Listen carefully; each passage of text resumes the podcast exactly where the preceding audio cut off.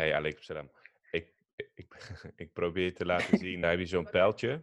En daar, daar staat dan select the microphone en select the speaker. May muted or off. Try increasing the volume. Jamila is een kat aan het aaien. ik zit goed hoor, ik heb zelfs mijn koffie erbij gepakt. eh. Horen jullie me nog steeds? Ja, ik hoor je wel. Oh, wacht. dat- Shoot. Je hosts zijn Kothar en Halil.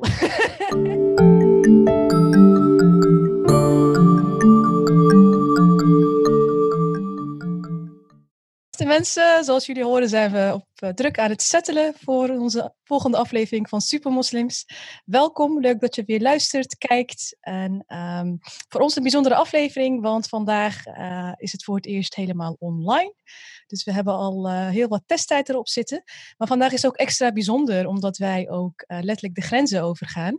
Eh, onze gast van vandaag is een supermoslim die in het buitenland zit, Griekenland wel te verstaan, en ze is niet op vakantie. Jamila, wat doe je daar? Waarom ben je niet gewoon hier lekker in Nederland opgesloten in je huis met familie en vrienden?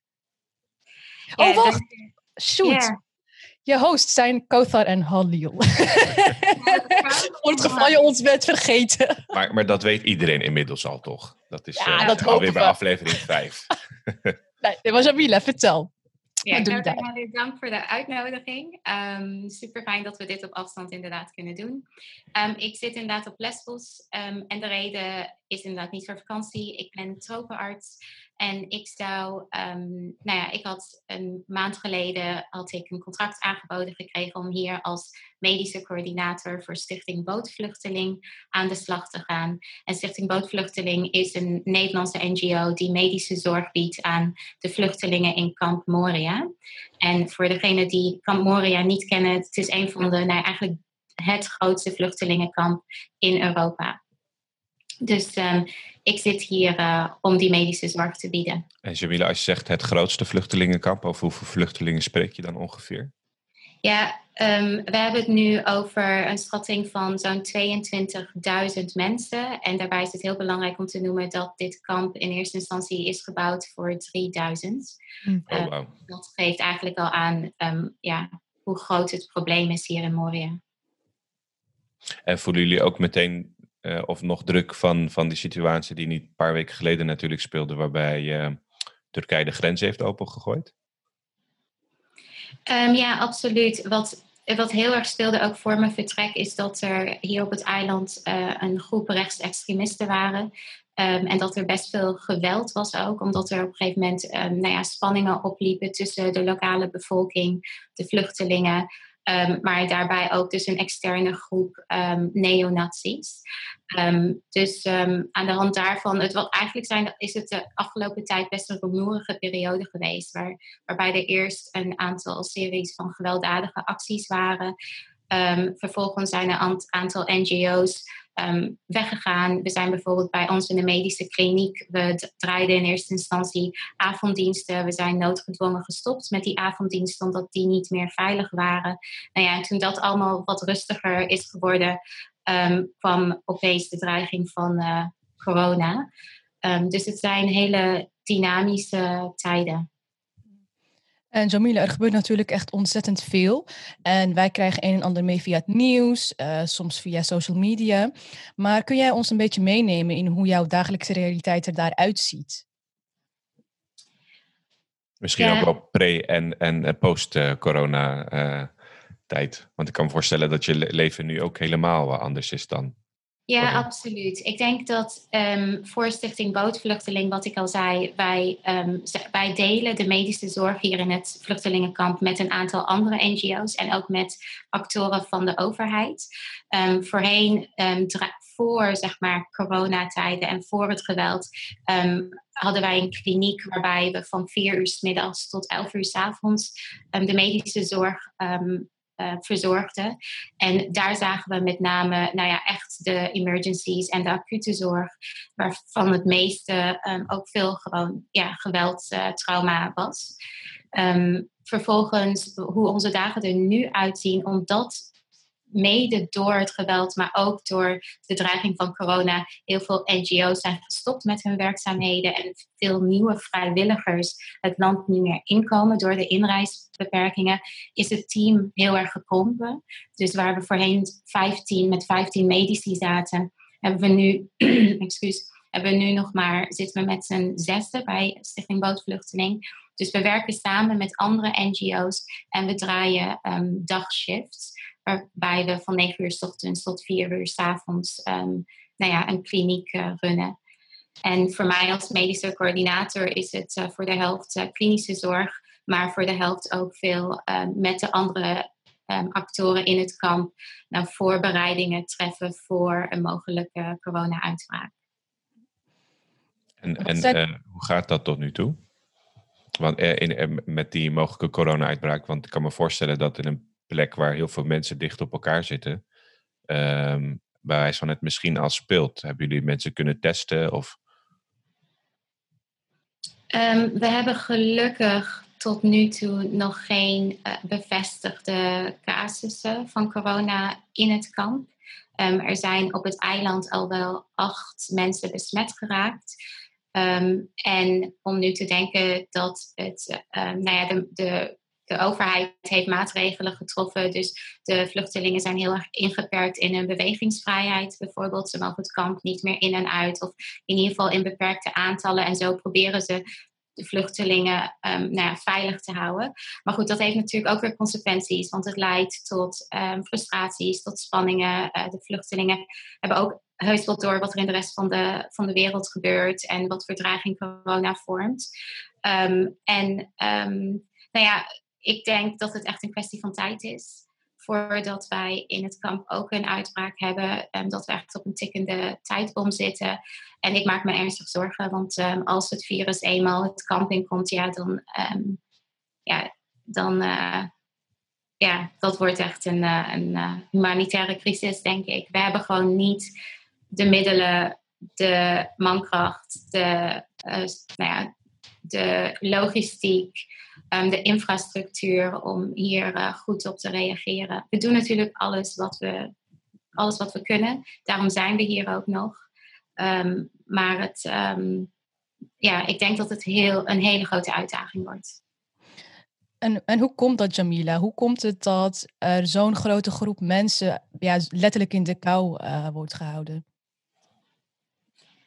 Ja, dit speelt. Kijk, Moria is eigenlijk al sinds sinds jaren um, een, een crisisgebied. Het is, het is hier altijd al verschrikkelijk geweest. Um, het zijn echt verschrikkelijke omstandigheden in het kamp.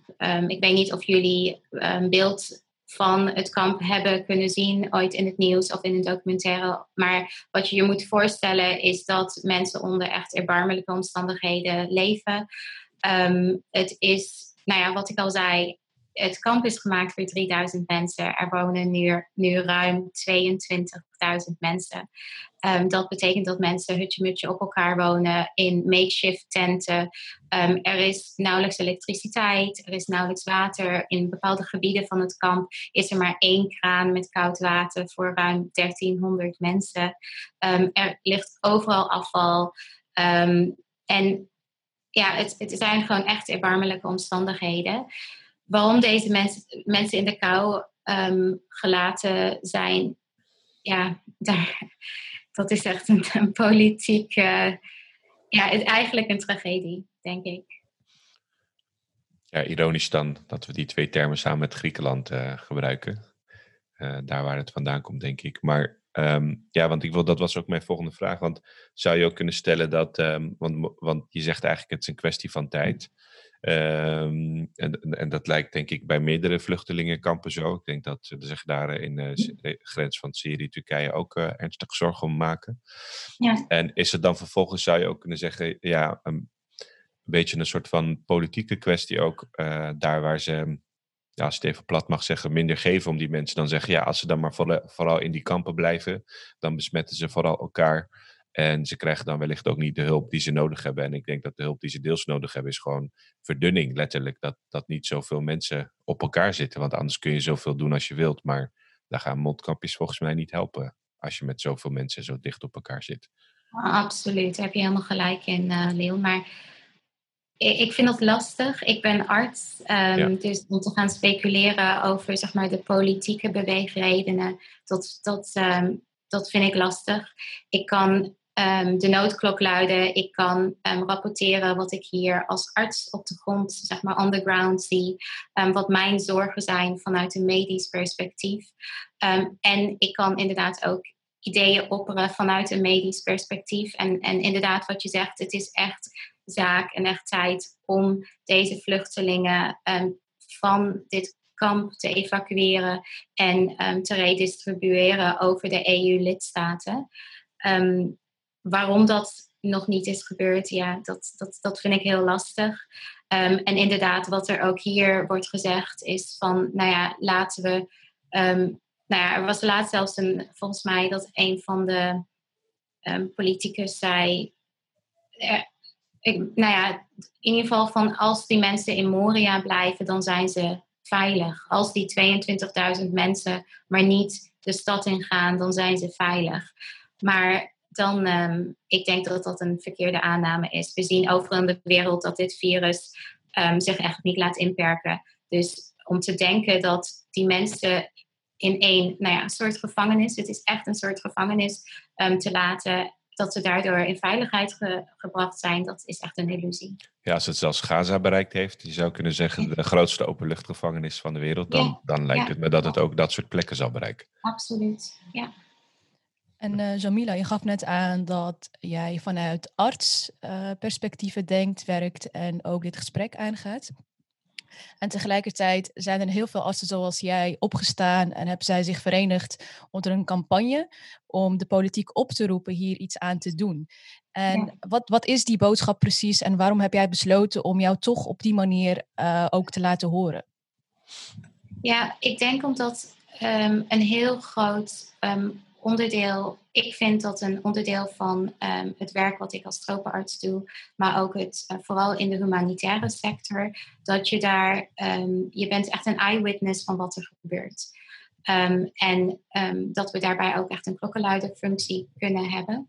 En wat deze, de actie waar je naar refereert, uh, dat is de SOS Moria-actie, waarbij artsen over heel Europa, maar ook elders in de wereld zich hebben verenigd om um, de, echt een duidelijk signaal aan de politiek te geven dat, um, dat we ons zorgen maken. En dat deze mensen um, nou ja, geëvacueerd zouden moeten worden om echt een humanitaire ramp te voorkomen. en daarbij hebben we recentelijk nu ook meer niet-medici en niet-artsen zich aan uh, bij bijgesloten en hebben ook de petitie getekend. Um, ik denk dat de politiek, um, sowieso, dat, um, dat de politiek zich uh, moet laten informeren door ook de, nou ja, door de praktijk. en uh, dit is een, denk ik een goed voorbeeld daarvan. dus als ik dan kijk bijvoorbeeld naar, naar mezelf ook, ik zou het geweldig vinden om, om in de toekomst meer uh, public health taken op te nemen. Maar ik denk dat dan daardoor juist dit soort klinische ervaringen het veldwerk echt um, daar van essentieel belang is, omdat je anders die link tussen het beleid en de praktijk niet kan leggen. Dus meer bottom-up approach in de plaats van uh, exactly. top-down. Ja. Hm. ja. En, en nu we het zo hebben over gezondheid en politiek, um, ik moet toch op een bepaalde manier denken aan hoe gezondheid ook op een bepaalde manier een onderdeel van politiek is geworden. Uh, op zowel geopolitiek, maar ook persoonlijk. Je ziet bijvoorbeeld in bepaalde landen dat vooral mensen die al um, uh, minder privileges hebben, die worden het hardst geraakt. Dus mensen die zich überhaupt niet kunnen social distancen. En tegelijkertijd zie je ook in de ontwikkeling van een mogelijk vaccin dat bijvoorbeeld um, rijke landen dan een, een, uh, een, vaccin willen kopen en daarop het alleenrecht willen. Of uh, dat een bepaald vaccin in bepaalde armere landen wordt getest of daartoe wordt opgeroepen. Uh, hoe is dat voor jou, Jamila, om te zien dat jouw professie of, of eigenlijk de wetenschap of um, het gezonder willen maken van mensen, dat dat steeds meer onderdeel wordt van geopolitieke onderhandelingen? Ik denk dat dat altijd al zo is geweest. Um, ik denk dat de, de, prioriteiten in de zorg um, krom zijn over het algemeen. Um, en ik denk dat dat nu ook met het, met het coronavirus het geval is. Het is natuurlijk heel lastig. Ik las laatst een artikel van de London School of Hygiene and Tropical Medicine. En daar, daar ging het over het feit dat alle maatregelen inderdaad die nu genomen worden, dat die heel erg op um, nou ja, op het Westen gericht zijn. En dat er niet een specifiek advies is voor bijvoorbeeld de armere Afrikaanse landen of de, zeg maar, de low- en middle-income landen. Um, terwijl de, zeg maar, de solution, het is geen one solution fits all natuurlijk. En wat, wat in dat artikel heel erg wordt besproken, wat ik nu waarschijnlijk niet zo goed kan uitleggen, maar ik zal proberen de strekking um, daarvan, want ik vond dat heel mooi gezegd, is dat, nou ja, um, als je de middelen hebt om nou ja, thuis te blijven en aan social distancing te doen en um, et cetera, et cetera. Ja, dat is wel dat is goed en aardig, maar om datzelfde advies ook eigenlijk aan bijvoorbeeld Afrikaanse landen dat op te leggen, dat, daar, daar, spelen veel meer factoren. Waar bijvoorbeeld in een, een arm Afrikaans land bijvoorbeeld, waar zoveel van de economische um, de economie afhankelijk is van het feit dat mensen de deur uitgaan of dat mensen echt eh, voor hun basisbehoeftes afhankelijk zijn van um, de deur uitgaan. Ja, dan, dan, moet je, dan moet je denk ik op een gegeven moment afwegingen gaan maken van oké, wat, um, ja, wat is de lesser of the two evils? dus als het, als het gevolg heeft Um, als bijvoorbeeld bepaalde coronamaatregelen als gevolg hebben dat je op een gegeven moment een hele generatie hebt die ondervoed zijn. Um, ja, dan, uh, ik heb bijvoorbeeld, uh, ik heb een tijdje in een ondervoedingscentrum gewerkt. Nou, je wil niet weten wat voor consequenties dat heeft. Dus ik denk dat het, het is überhaupt lastig. Ik denk dat we in een periode zitten waarbij um, die ongekend is. Um, elke dag, elk uur krijgen we weer nieuwe informatie. Um, dus het zijn gewoon echt lastige en uitdagende tijden. Aanvullend hierop, hoe zou je reageren? Want er, is natuurlijk ook, zeker in de, je zou kunnen zeggen, westerse landen waar we het vrij goed hebben, uh, een, een, een groep die er, je zou kunnen zeggen, laconiek op reageert. Of zoiets van, ja, het is maar een wat zwaardere griepje en het wijt wel over. Um, en, en, en uh, ik hoor dus ook daarin geluiden van mensen, ik denk die zelf dan ook vooral in hun eigen privésferen niet geraakt zijn of worden geraakt. Van ja, um, puntje bij paaltje, gaan er sowieso mensen dood. Dus uh, waarom zouden we niet gewoon verder gaan met ons leven as usual, zodat niet iedereen erdoor geraakt wordt, dus ook economisch en noem maar op. En uh, de reden dat ik dat vraag is omdat het een beetje terugkomt op uh, bijvoorbeeld in geval van uh, een aantal Afrikaanse landen. Ik las ook een soortgelijk artikel, ik weet niet of het hetzelfde was, denk ik, maar wel met een soortgelijke strekking van ja, daar kunnen sommige mensen niet thuis blijven, omdat um, niet alleen om economische redenen altijd hun werk, maar soms ook het verkrijgen van voedsel letterlijk de deur uit moeten. Dus dan moet je daar ook bij wijze van op een gegeven moment een afweging maken van ja, bij wijze van waar krijg je op een gegeven moment uh, minder, minder doden, letterlijk. Yeah, uh, en dan inderdaad, which is the lesser evil. ik yeah. zie trouwens, terwijl ik praat, bij mij Faisal meer zal staan. ja, klopt. Maar, maar dat is omdat uh, onze baas deze account heeft geactiveerd voor ons. Dus hij, is, hij is in spirit hey, bij ons. Hoi Faisal. Ik moest even, moest even lachen terwijl ik dat zag. Maar ehm, ja, dus even terugkomend op de vraag van ja, hoe, want, want in Nederland heb je natuurlijk ook een beetje die afweging. Plat gezegd zeggen sommige mensen, ja, heel vervelend dat uh, het met name oudere mensen zijn die het raakt. Maar een jongere generatie is de dupe van alle economische gevolgen, et cetera. Kun je het zo zwart-wit bekijken, vind je? Of zeg je als, als iemand die ook echt op het veld is van nou, hier is wel meer aan de hand. En het is ook niet alleen voor die doelgroep gevaarlijk, maar als, als epidemie of pandemie is het volgens mij nu, is het, ja. voor, uh, is het voor iedereen gewoon een hele gevaarlijke uh, situatie momenteel. Hoe, kan je daar een nuance of vind je dat een, een ja, groot uh, topic? Dat is echt een lastige vraag, okay. uh, ja. Leo.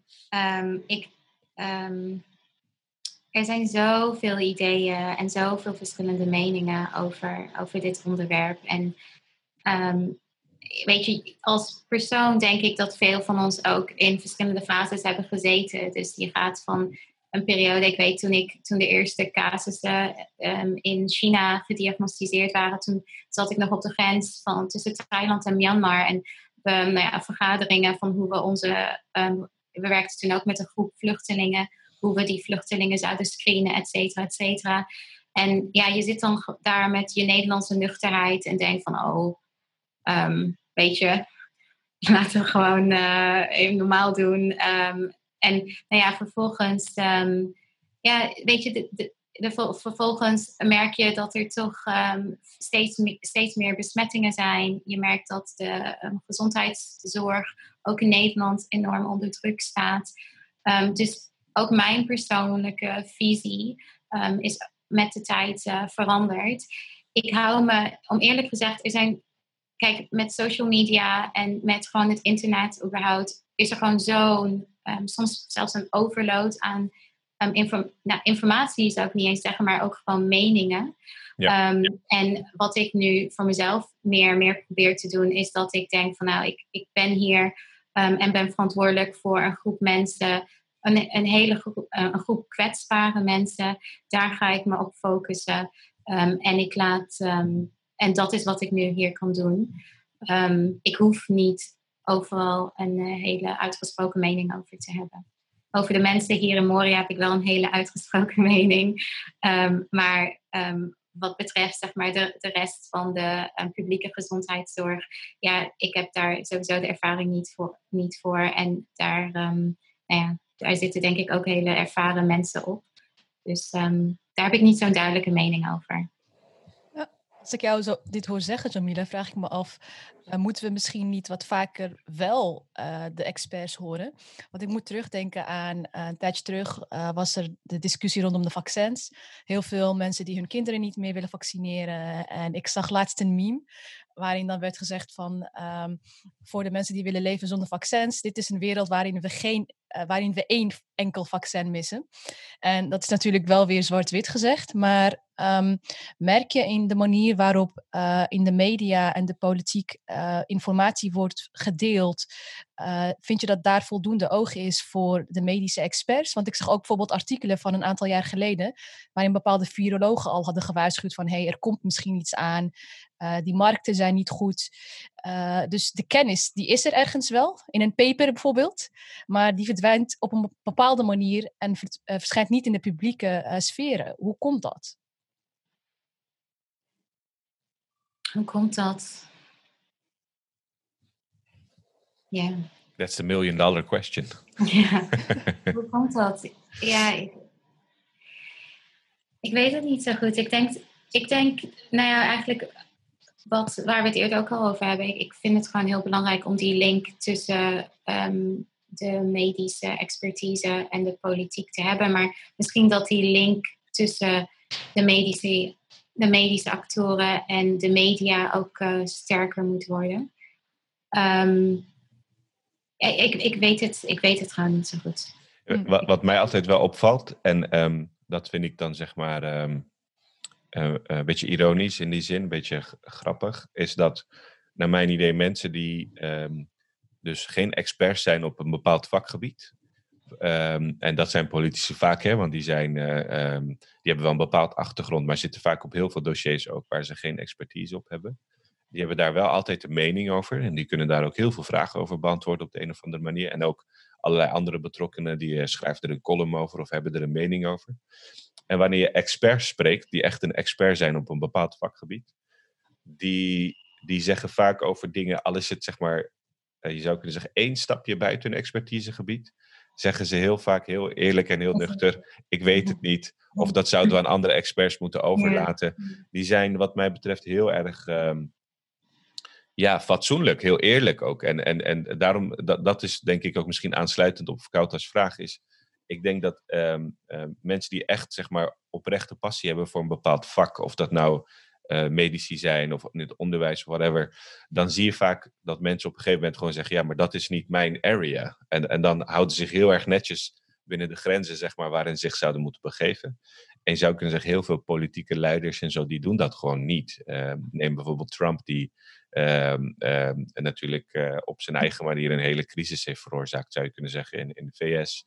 Die nu de number one uh, charts volgens mij leidt, wat betreft coronacrisis.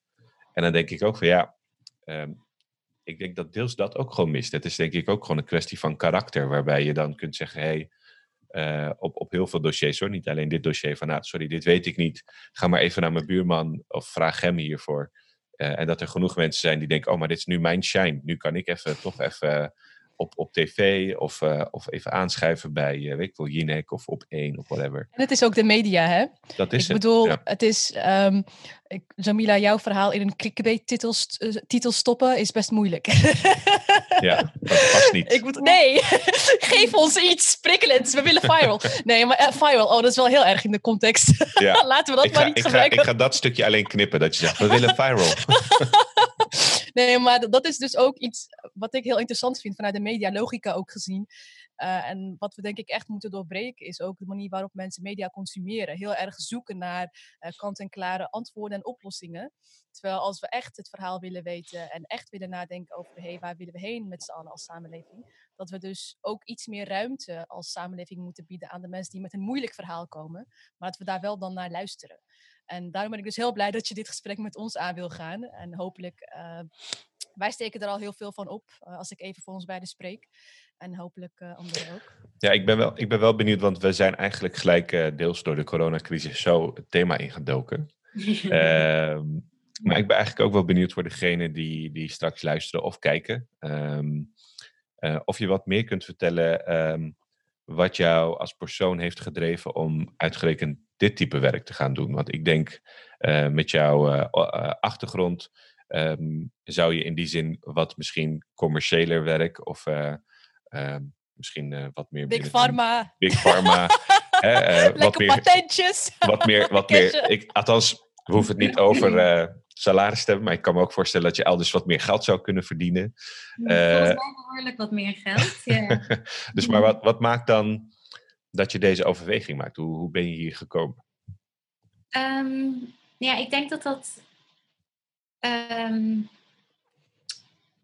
ik denk dat dat eigenlijk al uh, heel erg met mijn opvoeding te maken heeft. Um, ik ben in Tanzania opgegroeid. En nou, ik heb een Nederlandse moeder, Tanzaniaanse vader, Tanzania, in Tanzania opgegroeid.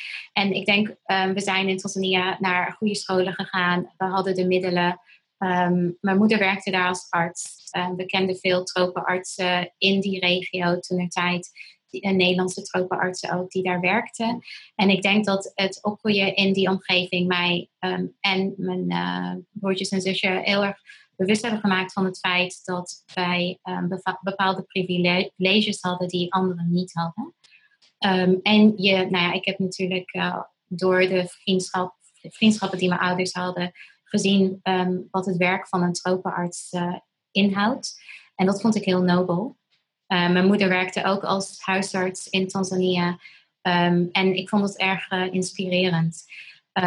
Dus mijn, nou ja, zes jaar geneeskunde en vervolgens meteen begonnen aan de tropenopleiding. Dat is een driejarige opleiding die eigenlijk heel uniek is in de wereld. En waarbij we heel breed worden opgeleid op het gebied van chirurgie, verloskunde en gynaecologie, kindergeneeskunde, maar ook de public health. Om vervolgens in lage inkomenslanden uh, medische zorg te kunnen bieden. Um, en ik denk dat uh, het voor mij gewoon heel belangrijk is om mijn steentje bij te kunnen dragen. En of dat nu als arts is, of als um, journalist, of als um, nou ja, schrijver of als iemand. Ik had net zo goed international relations kunnen studeren. Uh, voor mij is het, het artsenberoep heel erg een, een, ja, een means, een middel om dat doel te bereiken. Um, en het is wat dat betreft een heel prettig beroep, omdat het deuren voor je opent. en er is altijd een, een, een vraag naar. dus dat is, dat is een beetje de geschiedenis van mijn keus. En Jamila, je gaf net eerder in het gesprek aan dat uh, op een gegeven moment heel veel uh, collega's terug zijn getrokken naar de landen waar ze uh, wonen. Mm-hmm. dat had jij ook kunnen doen, met alle respect zeg maar, het is totaal te begrijpen. Um, wat dreef jou om toch te blijven? Ja, dat was, dat was echt lastig. Ik was, um, ik was een, volgens mij een week in, in Griekenland. Ik heb een week in quarantaine moeten zitten en die keus die kwam uh, tijdens mijn quarantaine. Um, en ik, ik, heb in quarantaine moeten zitten omdat ik uit een hoog risico land kwam, dus uit, uit Griekenland. En um, op dat moment was ook de vraag uh, of we wel of niet terug zouden naar Nederland vanwege de lockdowns, vanwege het beperkte vliegverkeer. Um, en daarbij kwam ook nog dat er recent, of in die periode, een oproep was in Nederland voor specifiek tropenartsen um, om um, nou ja, de zorg te ondersteunen in Nederland. Dus dat was, dat was lastig voor me, omdat ik wist dat ik in beide situaties dus nodig was. Zowel in Nederland als hier op, op Lesbos. en je gaat natuurlijk ook aan je eigen veiligheid denken. waarbij er in Nederland qua bijvoorbeeld uh, nou ja, goede apparatuur en uh, beschermmiddelen veel meer mogelijk is dan hier. Ja, en uiteindelijk wat voor mij de, uh, zeg maar, de doorslag heeft gegeven, is dat wij toen, er, toen die oproepen voor tropenartsen in Nederland uh, was uitge, uitgezet, zijn er zo'n honderd reacties op geweest, gekomen. Um, waar ik ontzettend trots op ben. En als side note wil ik dat ook graag noemen. Um, wij kampen um, in, de, in onze tropenopleiding al jaren met financiële problemen, waarbij de minister nou ja, onze opleiding niet subsidieert. En de reden daarvoor was altijd dat wij als vakgroep niet van toegevoegde waarde zouden zijn voor de Nederlandse setting. Um, en nu um, was er een noodoproep voor onze expertise. Dus um, nou ja, ik hoop dat dat ook voor onze toekomst als uh, opleiding, uh, want ik werk ook part-time voor het opleidingsinstituut, dat dat uh, positieve gevolgen zal hebben. Um, maar goed, dus het was met name toen ik zag dat nou ja, mijn collega's in Nederland, um, die zich al nou, bereid waren om in Nederland um, te helpen, dat ik me realiseerde, we zitten hier nu met 14 artsen in dit kamp. en ik denk dat ik hier meer zou kunnen betekenen dan in Nederland. Koud, aan het opbouwen naar, want ze zegt, uh, wat maakt dat je hier blijft? Ze, ze bouwt op naar wij blijven hier. Dat is, probeert ze elke aflevering een beetje in te krijgen. Ja, ja, ja. Voor het promopraatje. nee, maar Jamila is niet gebleven, hè? Nee. Daar moeten we even een beter frame voor bedenken. Ja. Je bent altijd aan het exposen, Halil. Come on. hey, Jamila. Um, even terug naar, uh, we blijven even hangen in dit moeilijke keuzesthema. Want. Um, nou ja, goed, ik lees allemaal uh, artikelen over triage en welke levens moet je wel redden, welke niet.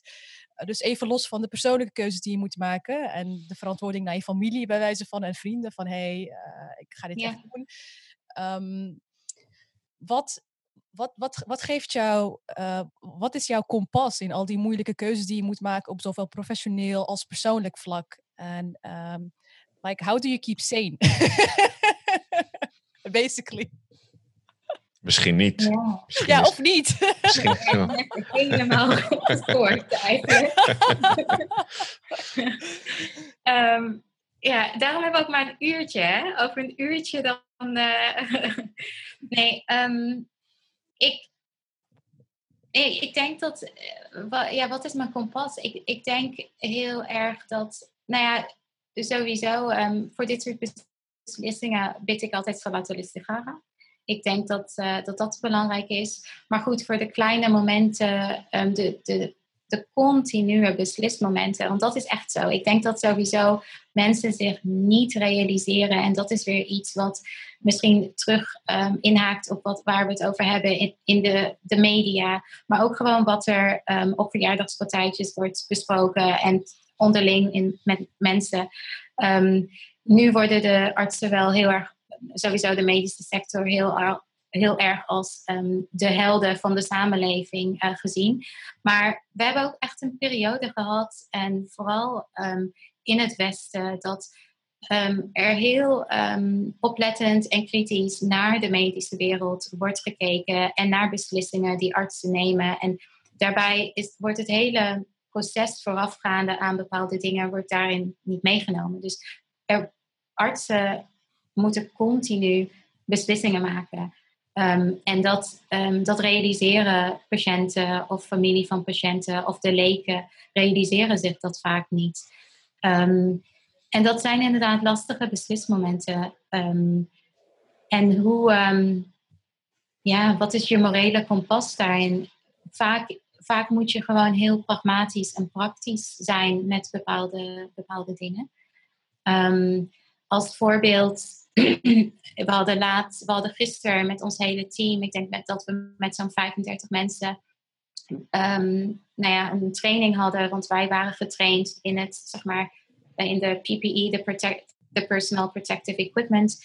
Um, en we hadden, nou ja, wilden dat laten zien aan ons team. En wij hebben nu aan ons team, um, we werken met drie medische coördinatoren van de drie NGO's met wie we samenwerken. Wij hebben ons team als artsen ook verteld dat ze bijvoorbeeld um, bepaalde lichamelijk, lichamelijk onderzoek niet meer bij een patiënt ehm, kunnen doen. Ehm, omdat dat een risico vormt voor hun eigen gezondheid. Ja, en dat is heel lastig. en daar kwamen natuurlijk ook vragen over van ja, hoe verwachten jullie dat wij een diagnose stellen? En heeft dat niet negatieve consequenties voor onze patiënten als we niet meer bijvoorbeeld in de oren kijken, in de keel kijken? maar ja, dan is um, denk ik de prioriteit je eigen veiligheid. Ehm, dus ja, je moet er pragmatisch in, in, in blijven. Ik weet niet of dat uh, een beetje je, je vraag beantwoordt, uh, Elder. Jawel, ik bedoel, um, kijk, het, maar jouw dagelijkse praktijk is denk ik voor heel veel mensen iets dat totaal buiten de eigen besef um, ja, realiteit is. En in dat opzicht vind ik het ook wel belangrijk om daar ook even bij stil te staan en een beetje mee te kijken van hey, hoe ziet zo'n dag er voor jou uit? Welke keuzes moet je maken? Zowel professioneel als persoonlijk. Ja. Maar enige referentiekader is Grey's Anatomy bijvoorbeeld. Zo is het ook echt, hè? ja, toch? Dat dacht ik al. Ja. Zo gaat in de, in de medische wereld. dat, zegt, dat is ook de reden. Na, na, die serie heb ik ook spijt dat ik docent ben geworden. Ik dacht, ja, wij hebben helemaal niet dat soort series over ons uh, beroep. Je hebt geen, uh, weet ik veel, docenten live of zo. Serieus, er zijn helemaal geen series over docent zijn. En uh, vaak, nou, wel, vaak wel student zijn, zeg maar, college life en zo. Maar niet, zeg maar, ja, maar ik vind een aantal van de mooiste films. Ik kijk niet zoveel films, maar echt een paar van de mooiste films. En ik zou ze ook niet zo uit mijn hoofd kunnen opnoemen. Maar gaan, gaan over, weet je, van die docenten die dan in een achterstandswijk komen. En dan helemaal iedereen. Ja, ja, ja, je, hebt je hebt Dangerous Minds natuurlijk van Michelle Pfeiffer, een hele bekende. Uh, Kijk, beste mensen, jullie krijgen meteen kijkluistertips voor die lange coronadagen. Ja, ja. Als je geen arts bent. Als je arts bent, heb je het veel te druk hiervoor. Precies, precies. Maar uh, voor degenen die Freedom Writers bijvoorbeeld niet hebben gezien, is waar gebeurt verhaal. Het is wel echt een leuke, leuke film inderdaad. Speelt Hilary Swank ook in. Toffe vrouw. Ja. Dus, uh, ja. Hey Jamila, we hebben het hier best wel over moeilijke en ingewikkelde zaken gehad. Dat is part of life natuurlijk. Um, en tegelijkertijd um, wat, wat inspireert jou? Uh, wat zijn de dingen in het leven waar, waar jij voldoening uithaalt, uh, waar jij bij wijze van alle ingewikkelde zaken mee balanceert? Als je er tijd voor hebt.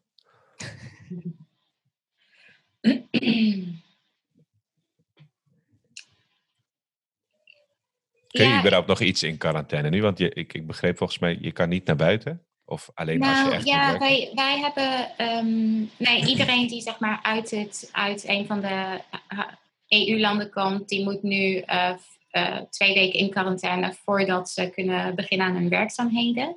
Um, en um, de omstandigheden hier op het... Het is best strikt geworden op het eiland. Dus je moet voor elke reden dat je de deur uitstapt... moet je een bepaald uh, formulier hebben en dergelijke. Maar waar ik voldoening uit haal, ja, heel veel. um, ik denk, um, ja, echt de kleine dingen en de grote dingen. Ik denk uh, waar ik wat, um, als ik het, als ik heel specifiek zeg maar naar mijn werk kijk, ik haal natuurlijk voldoening uit heel veel dingen in het leven.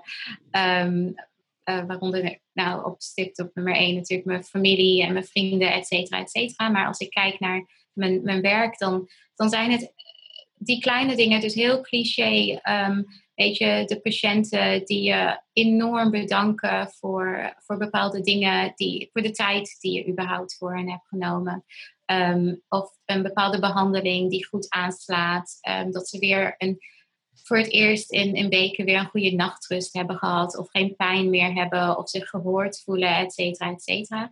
Dus daar haal ik heel veel voldoening uit. Ehm, ik haal ook enorm veel voldoening uit mijn team. Ik denk dat we hier echt een, een superpower team hebben. Het is sowieso als heel bijzonder dat zij hebben besloten om hier te blijven um, en hier zich in te zetten in, een, ja, in echt lastige omstandigheden. Het zijn onzekere tijden. We weten niet wat ons te wachten staat. Um, we weten niet of de supplies die wij hebben besteld, of die door de douane worden ingenomen, ja of nee. Het zijn echt spannende tijden en ik haal er enorm veel voldoening uit om zo'n team te mogen leiden um, die gewoon gedreven zijn, gemotiveerd, heel idealistisch. Er is echt een super uh, positieve um, werksfeer. Um, en de samenwerking met de NGO, andere NGO's, als je dan een succesvolle um, vergadering hebt met bijvoorbeeld Artsen zonder Grenzen, die zijn hier ook um, actief op het eiland en andere um, NGO's. En dat je echt merkt dat je je, je krachten bundelt en nou ja, een gemeenschappelijk doel hebt. ja, dat, dat geeft ontzettend veel energie. Mm en uiteraard ook gewoon de steun uit, um, van iedereen uit het buitenland, um, die bijvoorbeeld ook deze acties steunen. Ja. Um, dat geeft me allemaal veel voldoening. En als het gaat om steun, hè, Jamila, want er wordt in verschillende landen wordt s'avonds geklapt voor zorgverleners. Wat op zich symbolisch heel mooi is. Maar um, als onderdeel van de campagne bijvoorbeeld, uh, waar jij uh, je hebt aangesloten, wat kunnen mensen nog meer doen? Uh, hoe, hoe kunnen wij, bij wijze van vanuit onze privileges, met erkenning voor hoe ingewikkeld het ook hier is, um, maar hoe kunnen wij iets betekenen voor de mensen in het veld? heb je wat concrete tips, slash vragen of action points? Ja, absoluut. Ik denk dat um, uh, onze stem laten horen aan de politiek, dat dat heel erg belangrijk is. Dus door middel, ik, ik vind het al heel fijn dat jullie mij de tijd geven om dit uh, doel um, uit te lichten. Dus um, nou ja, veel, veel gewoon uh, aandacht ervoor in de media, zodat hopelijk de politiek dan ook gaat bewegen. De SOS Moria-actie ondertekenen. En ik werk um, voor Stichting Bootvluchteling. Wij zijn um, ja, compleet afhankelijk van um, donaties. dus donaties zijn altijd, uh, altijd welkom, uiteraard. En daarmee, uh, dat, dat wil ik echt niet onderschatten. Dat, dat is wat ons werk hier mogelijk maakt. We, zijn afhankelijk van privé-donaties. dus dat, dat zijn. Uh, hele concrete dingen die men, mensen kunnen doen. Ja, weet je wat echt mooi zou zijn? Als, als we zeg maar een keer een avond om acht uur, in plaats van te klappen, gewoon zeg maar achter onze laptop zitten en iedereen maakt vijf euro over.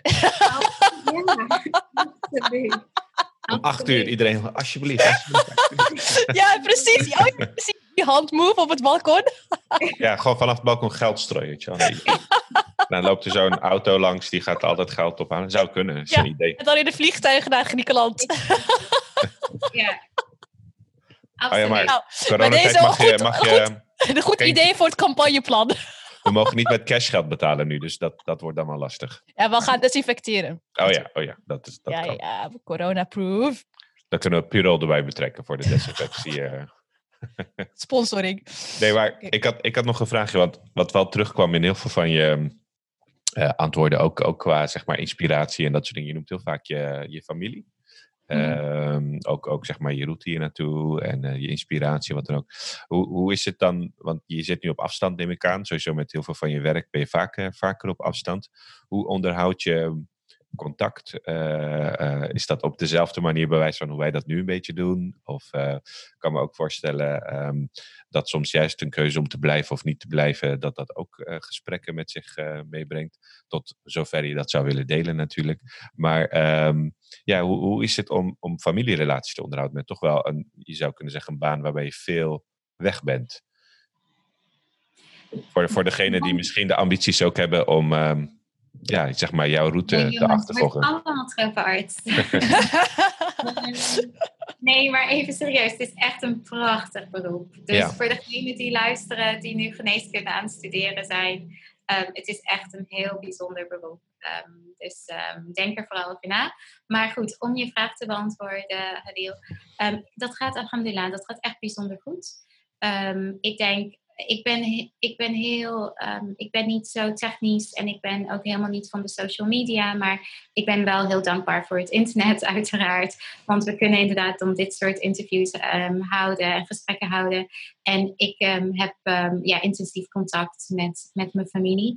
Bij ons is het zo dat wij misschien wat dat betreft een bijzondere casus zijn, want we zijn met z'n, met z'n zessen en we wonen alle zes in een ander uh, land. Um, dus ik ben wat dat betreft niet een uitzondering. Uh, we zijn een gezin wat um, gewend is aan de afstand. Um, het is voor ons eigenlijk abnormaler om in hetzelfde land te zitten dan in andere landen.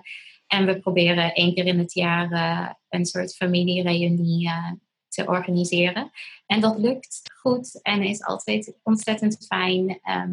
dus ja, alhamdulillah, dat, dat, gaat, uh, dat gaat goed. Ja. Gebruik gewoon deze podcast, uh, zodat jij je familie kunt bereiken. gewoon dit linkje doorsturen. Zijn ze meteen up-to-date. We hebben ook meteen vijf, vijf listens erbij, vijf views. Yes! hey Jamila. Welke, welke rol, even een hele ander soort vraag, maar we kregen daar ook feedback over. Vinden mensen ook wel tof om te horen. Uh, de rol van religie in jouw leven welke rol speelt dat? Want je noemde net bijvoorbeeld Salat Istigara. Voor de mensen die het niet kennen, dat is een soort uh, adviesgebed uh, waarin je uh, leiding zoekt en vraagt van God. En je zei net Alhamdulillah, dat is ook een manier om, om ja, dat, dat, nou ja, goed, is zo moeilijk uit te leggen. Ja, nou ja, goed. Ik, ik ga daar niet aan beginnen, maar het is inderdaad een soort dankgebed ook. Um, wat betekent religie voor jou? Hele grote vraag en we hebben niet heel veel tijd meer, maar ik drop hem toch. Dit keer doe jij de grote vraag aan het eind. Oh ja, ja, ja. ja, ja. Hadil en ik hebben zo'n dingetje. Dat, dat, dat Hadil normaliter degene is die een hele grote vraag de laatste vijf minuten Net aan het einde. Let's do this. Ja, het is inderdaad een hele grote vraag. Um, maar ik kan daar misschien... Eh, ja, religie betekent alles voor me. Um, ik zal het ik denk vooral wat als ik ehm, dit weer relateer aan het soort werk wat ik doe en uh, wat ik hier momenteel aan het doen ben. Ik denk even uh, los van mezelf, ik, ik, ik, denk dat, we, dat alle, ar alle artsen en medici en eigenlijk iedereen die zich nu bezighoudt met, um, met corona, echt eigenlijk met een soort uh, jihad bezig zijn. Um, dus ehm, ik ben daar absoluut geen uitzondering in. Ik ben ook niet speciaal wat dat betreft. Ik denk dat um, iedereen ontzettend hard aan het werken is. Um, en dat, nou ja, dat dit ja, een, nou ja, hopelijk allemaal met goede intenties wordt gedaan. voor mij is het heel erg zo dat ik het voor mij voor mij is het zo dat kennis en bepaalde zegeningen, dat die ook met verantwoordelijkheden komen. Dus ehm, ik ben me heel erg bewust, wat ik ook al zei, dat ik um, echt gezegend ben. Ehm, en dat ik, je bent sowieso gezegend met een bepaald niveau van intelligentie.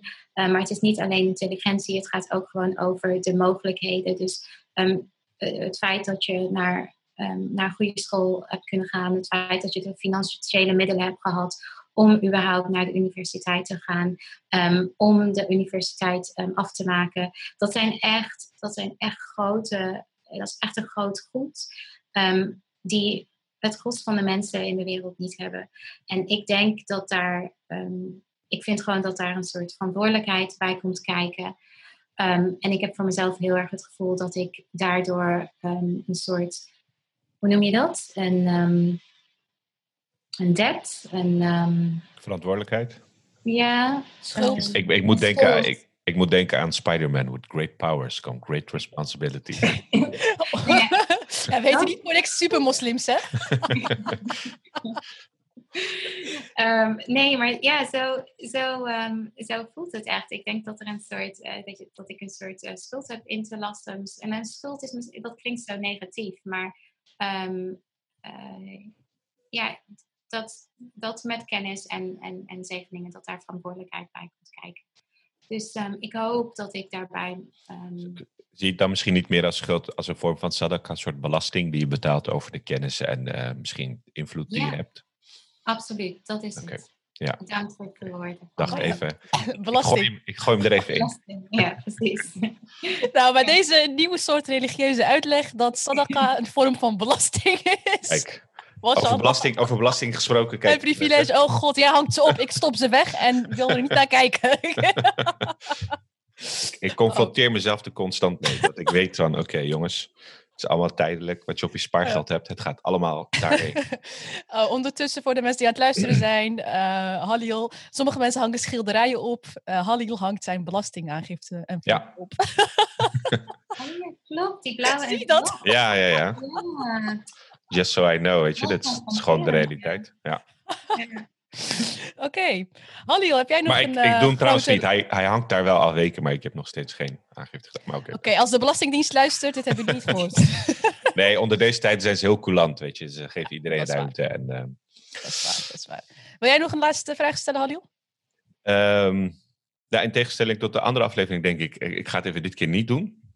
Maar ik wil wel even de tijd nemen om, ehm, om voor je, eh, ik ga niet letterlijk voor je klappen, maar eh, ik, ik, ik, Je moet ik op de andere manier klappen met het geld. met het geld. nee, maar dat, de belofte maakt schuld, hè. Dat, gaan, dat wordt hierna ook verwacht. Gaan mensen kijken, wat heeft Halil gedoneerd. En, eh, maar ehm, nee, ik wil, ik wil wel denk ik de tijd nemen en, ehm, en gewoon benadrukken dat ik het hartstikke tof vind wat je qua, qua werk daar doet. Eh, ik weet dat je het niet hiervoor doet. Maar tegelijkertijd vind ik ook eh, het heel belangrijk dat ehm, ja, mensen zoals jij daar zijn. Eh, en ik, misschien doe je het helemaal niet om de reden, maar voor mij is het deels ook belangrijk dat mensen zoals jij daar zijn, dus juist ehm, eh, vanuit je religieuze achtergrond, dat, dat je zou kunnen zeggen, onze mensen zich ook in die werelden begeven. Ik vind in, die, in dat kader ja, de diversiteit en de zichtbaarheid toch wel belangrijk. Zodat mensen zien It's 11 hours. dat, zodat mensen zien dat. Eh, oh, volgens mij hoorde ik ergens een geluidje wat voor tijd Ja, het is. dat Ik weet- was eh, Bob. Dat is mijn computer. Die Oh. vertelt elk uur eh, hoe laat het is. Oké, thanks Bob. ja. We hebben gewoon een tijd eh dingetje.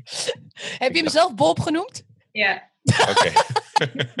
nee, maar ik dacht, Zoom heeft toch privacy issues? Ik dacht, zit er nou iemand in ons gesprek ineens? Maar eh Nee, het is Bob maar. het is Bob, oké. Hoi Bob, leuk dat je er bent. Salam alaikum Bob. Ik ga ervan uit dat Bob Mastem is, dus eh, Absoluut. hij is op jou. We hebben vandaag Faisal in dit gesprek en Bob.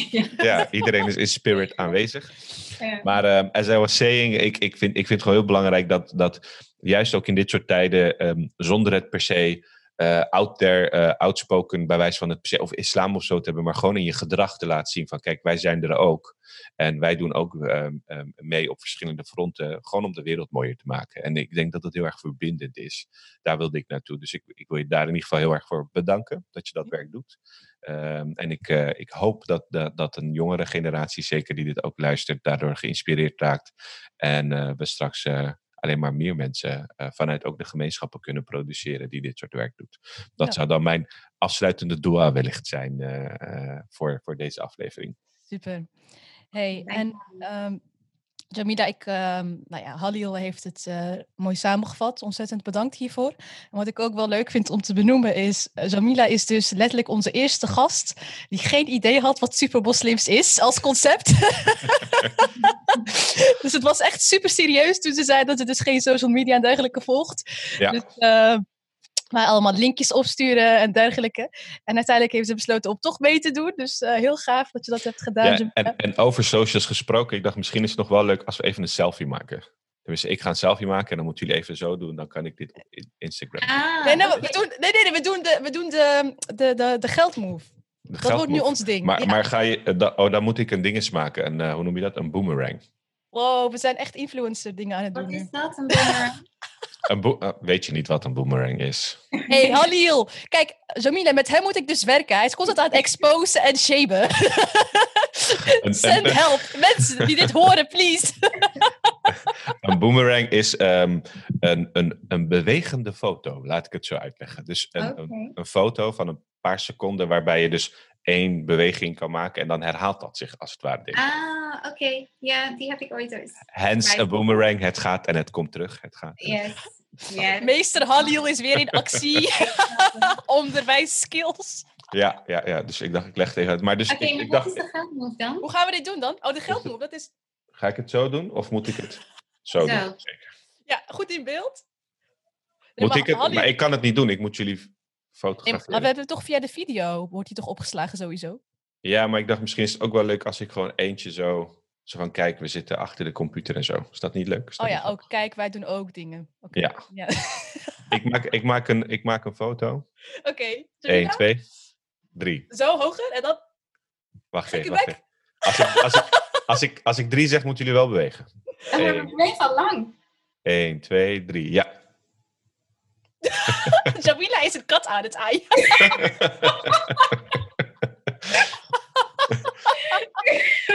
Denk, denkbeeldige kat. Ja, hij, hij staat, hij staat erop, mensen. Serieus, ehm, even over katjes gesproken. We hebben serieus, er zijn kleine kittens eh, geboren ergens in een kioskje waar onze bus stopt. En dat is echt een soort therapie voor ons team. Dus we gaan dan nadat we klaar zijn met werken, gaan we even langs de katjes om ze te aaien. Oh, sweet. Nice. nice. Dus als je er echt niet meer uitkomt, als Bob je niet meer kan redden, dan, Dan eh, is het gewoon eh, kittens aaien, ja. ja, nice. advies van de dokter. Vo- Voordat we, voordat we afronden, by the way. Ook nog even voor de, voor de mensen goed om te weten dat we dus... eh, nou, dit is inmiddels aflevering 6 alweer, hè? Zo, Ja, dit gaat hard. Aflevering 6. We hebben hiervoor nog vij- vijf andere afleveringen gehad. Die kun je terugluisteren op Spotify, Apple Podcasts, Google Podcasts. Eigenlijk alle major podcastkanalen die er zijn. doe Ja. dat. Volg ons ook op Instagram. Daar staan dus alle visuals. Dus straks ook van Jamila in een eh, superhero eh, outfit eh, beschikbaar. Dat eh, zou ik zeggen, zeker gaan checken. Maar ook op Facebook, wij blijven hier. eh, en ook op onze website, wijblijvenhier.nl. Eh, ik zou zeggen, volg ons via die kanalen eh, voor meer. De komende periode dus zo in quarantaine. Ik moet zeggen, ehm, tegelijkertijd, ehm, eh, ja, waar, waar dingen zijn, waar, waar dit soort omstandigheden zijn, ook kansen. Want terwijl we zo met jou over de grenzen eigenlijk een podcast maken, dacht ik van, oh, dus dat kunnen we dat eigenlijk misschien ook met iemand anders eh, elders in de wereld doen. Eh, dus het schept alleen maar kansen. Dus ik ben eh, wel dankbaar ook voor deze ervaring. Dus laten we een oproepje doen. want wij krijgen sowieso leuke reacties via berichten en ook feedback. constructief en ook positief. Super bedankt daarvoor. Mocht je dus iemand kennen die nu in het buitenland eventueel zit en het leuk zou vinden om even weer met een stelletje Hollanders te kletsen. Laat ons vooral weten. Ehm, net zo goed andere namen zijn ook van harte welkom. En wij interviewen ook eh, mensen die gewoon eh, die we telefonisch spreken zonder op te nemen. Check dus de website. Die geven ook een toffe tekening. En eh, daarmee laten zien dat inderdaad op verschillende manieren zijn verschillende supermoslims in actie. Als student, als fotograaf, als arts. Allemaal ideale schoonzonen en dochters op hun eigen manier. en eh, samen maken we inshallah het verschil. Super bedankt Jamila, nogmaals ontzettend bedankt. Fijn dat je met ons was. Eh, voor de mensen thuis, check SOS eh, Moria. Help hoe je kunt. Eh, mocht je vooral. middelen hebben, precies. Mocht dat niet kunnen, op andere manieren kan ook. Delen online. eh, linkjes, eh, we gaan die in het artikel delen. Dan kunnen mensen lekker doorklikken. En hopelijk kunnen wij dan ook vanuit onze veilige havens ook een steentje bijdragen. En voor alle mensen thuis, dank voor het meeluisteren. Dit was onze eerste uitzending eh, post-corona-tijdperk. Of nee, nog steeds in corona trouwens. Ehm, we doen ons best om vele mooie uitzendingen nog voor jullie te blijven maken. Dank voor jullie geduld in ons proces en eh, graag tot de volgende. Dat was hem? Dat was hem. Bye bye. Oké. Assalamu alaikum. Doeg. Bye bye. Assalamu alaikum.